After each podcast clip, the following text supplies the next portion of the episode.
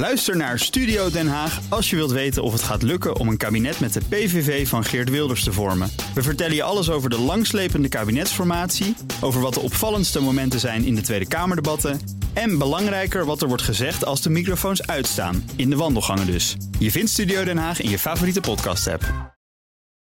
De column van Jaap Jansen.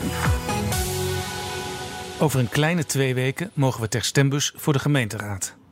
Als kiezer kijk je dan naar de verkiezingsprogramma's, naar de kandidaten en ook wat die kandidaten de afgelopen vier jaar met hun mandaat hebben gedaan. De Telegraaf heeft uitgerekend dat zeker 155 raadsleden zich van hun partij afsplitsten. Ze begonnen voor zichzelf of sloten zich aan bij een andere fractie.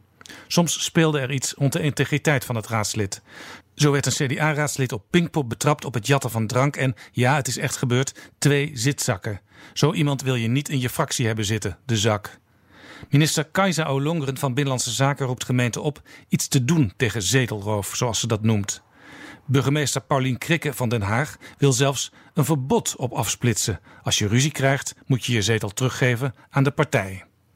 Ik begrijp de ergernis. 155 afsplitsers lijkt best veel, maar we moeten ook niet overdrijven, want er zijn in ons land ongeveer 9000 raadsleden.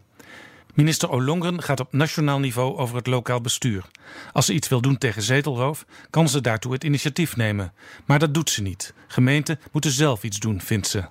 Ze begeeft zich op glad ijs, want als minister van Binnenlandse Zaken is Olongren de hoeder van de grondwet. En die grondwet biedt geen enkel aanknopingspunt om zich inhoudelijk te bemoeien met politieke partijen en dus ook niet met afsplitsers. Sterker nog, in de grondwet komt het hele begrip partij niet voor. Veel partijen vragen hun kandidaten een verklaring te ondertekenen dat ze hun zetel ter beschikking stellen zodra het lidmaatschap van hun partij is beëindigd. Juridisch heeft zo'n papiertje geen enkele waarde.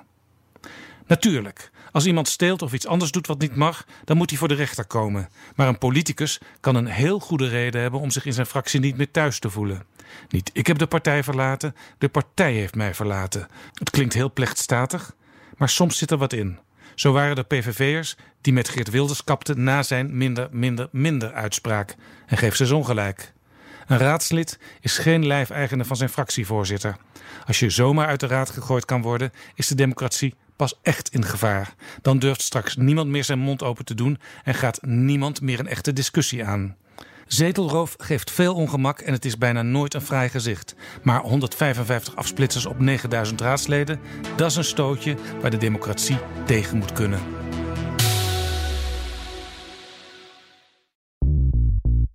BNR ben je altijd als eerste op de hoogte van het laatste nieuws. Luister dagelijks live via internet. Bas van Werven. En heel langzaam komt de zon op rond dit tijdstip. Je krijgt inzicht in de dag die komt op BNR, het Binnenhof in Nederland en de rest van de wereld. De Ochtendspits. Voor de beste start van je werkdag. Blijf scherp en mis niets.